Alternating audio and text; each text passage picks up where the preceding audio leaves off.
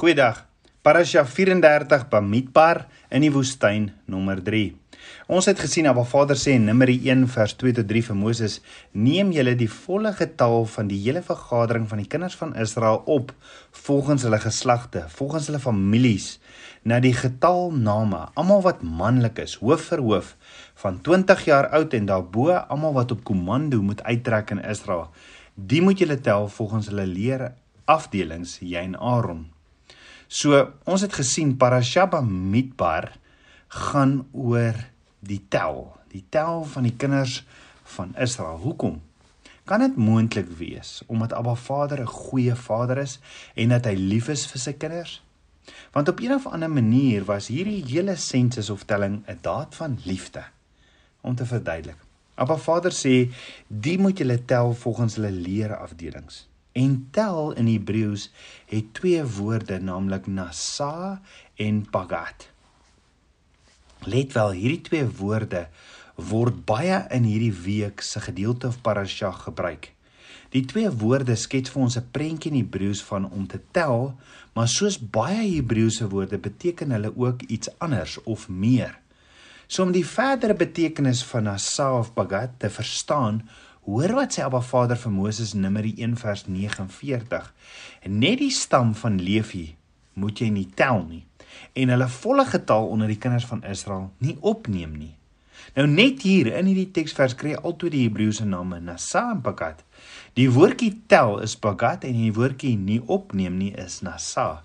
Met ander woorde die stam Levi gaan van die gemeenskap geskei word. Hulle gaan afgesonder wees en sal nie saam met die ander getel word nie. Maar dan sê Abba Vader verder in Numeri 1 vers 50: "Maar stel jy die leviete aan oor die tabernakel van die getuienis en oor sy gereedskap en oor alles wat daarbey behoort. Hulle moet die tabernakel dra en alles wat daarbey behoort en hulle moet dit bedien en rondom die tabernakel laar opstaan." Nou die woordjie stel jy die leviete aan is die woordjie pagat wat maar pagat beteken nie nou tel nie. Nee, nou beteken dit om die leviete aan te stel in die tabernakel. Die leviete sal toesig hou oor die tabernakel en al die gereedskap wat daarmee gepaard gaan. Hulle gaan die tabernakel dra en die woordjie vir dra in Hebreëus is nasa.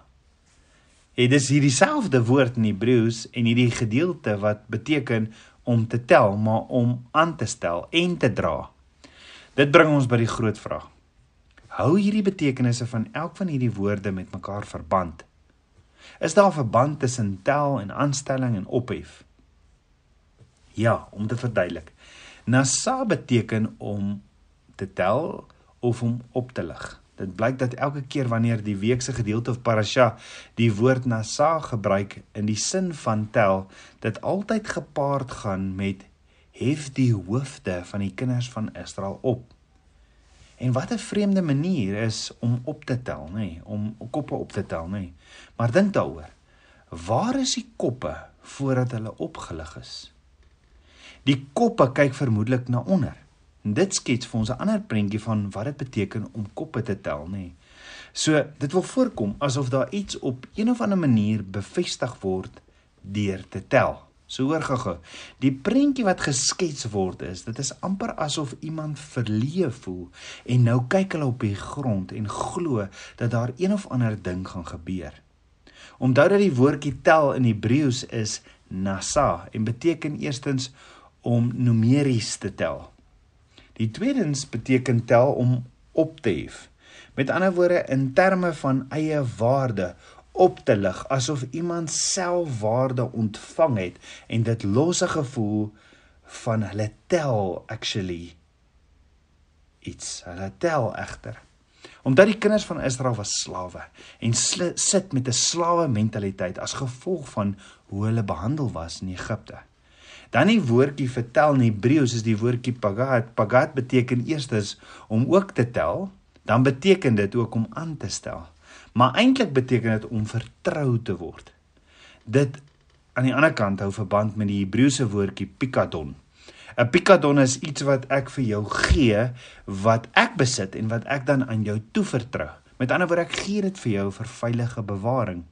En op 'n manier is dit wat gebeur as jy aangestel word om 'n soort verantwoordelikheid te dra of uit te voer en aan jou een of ander verantwoordelikheid waarmee jy toevertrou word. En dit is asof jy 'n pikadon gekry het om toesig te hou daaroor en dit te beskerm. So op 'n of ander manier het hierdie idee om getel te word ook te maak met die idee om toevertrou te word. So miskien is die twee betekenisse van bagat wat beteken om toevertrou te word en om te tel en asa wat beteken om op te hef en te tel soort van met mekaar verbind. Miskien verklaar die idee van bagat juis die idee van asa. Met ander woorde as jy vra wat is dit wat ek moet optel wat my sinvol sal laat voel dan is dit my kop. Wat ek wat ek moet oplig my kop wat afkyk omdat ek 'n slaaf is en daar 'n slawe mentaliteit gekom het in Egipte oor my. Met ander woorde, Abba Vader sê tel en in die proses kom staan hy as Pappa God voor sy kinders elkeen en kom lig hulle koppe op want hy het ons geskape om 'n verbondsverhouding met hom te hê. Hy is 'n God van liefde en het elkeen van sy kinders wonderbaarlik aan mekaar gewewe. Hoor wat sê Dawid in Psalm 139 vers 14: Ek loof U omdat ek so vreeslik wonderbaar is. Wonderbaar is U werke. En my siel weet dit al te goed. Jy sien, jy is Abba Vader se meesterstuk waarmee hy jou toevertrou. Jy is wonderlik aan mekaar gewewe deur jou Skepper. Die wêreld egter kom oortuig jou en sê vir jou jy is niks meer as 'n baksteenmaker of 'n slaaf nie maar nie Abba Vader nie. Nie Abba Vader kyk vandag na jou en hy sê as hy na jou kyk jy is talentvol. Jy's oorspronklik my kind en ek het jou alles gegee wat jy nodig het. En dis presies wat Dawid sê en verklaar en daarom prys hy Abba Vader vir die wonderlike manier waarop Abba Vader hom geskaap het. Die vraag is is dit die manier hoe ek en jy elke dag ons dag begin tabernakels kind van Abba? Of staan jy op en al wat in jou kop maal is hoe swak en hoe onwaardig jy eintlik is en wat moet jy nog doen in Egipte die wêreld net om raak gesien of om te tel?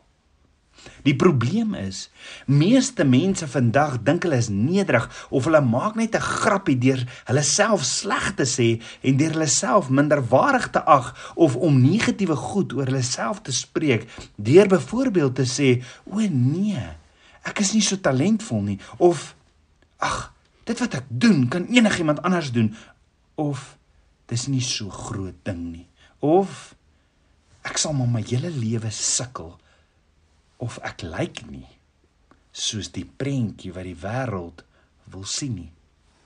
And it's amazing om te sien wat se talente Abba Vader mense gegee het, maar praat jy met hierdie mense dan sal hulle dadelik vir jou die vyand se woorde oor hulle spreek en vir jou vertel hoe hulle nie dink hulle is talentvol, waardevol nie en dat nie iemand anders eintlik beter sal wees en dan bly hulle net verder sit en doen niks vir Abba Vader se koninkryk nie.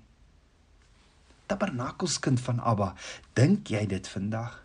Is die vyand besig om jou so te verneder en vir jou te vertel jy gaan dit nie maak nie? En die vraag is regtig, hoekom luister ons vir hom?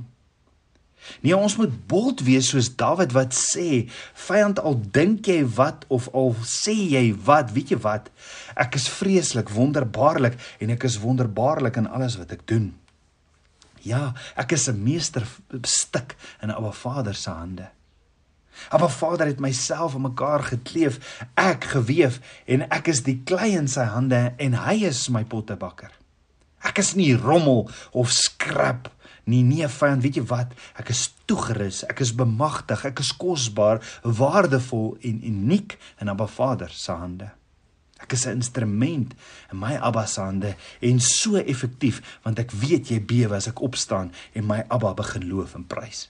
Ek weet jy bewe as ek sy woord bestudeer en dit laat jou bewe as ek my Abba se waarheid leef. Vyand, Ek is wonderbaar want wonderbaar is my potterbakker se werke. Tabernakelskind van Abba. Wat daarvan jy laat nie van vandag af verder toe om te luister na die vyand wat vir jou wil kom sê hoe oneffektief en hoe swak jy is nie. Kom ons kies om nie verder onsself sleg te sê en in te sê met die hand te vat van die vyand nie. Kom ons stop om te fokus op die negatiewe en al my en jou foute as ook om ons te vergelyk met ander. Want weet jy wat? Die skepper van hemel en aarde ja jou skepper sê vandag vir jou jy is 'n meesterstuk.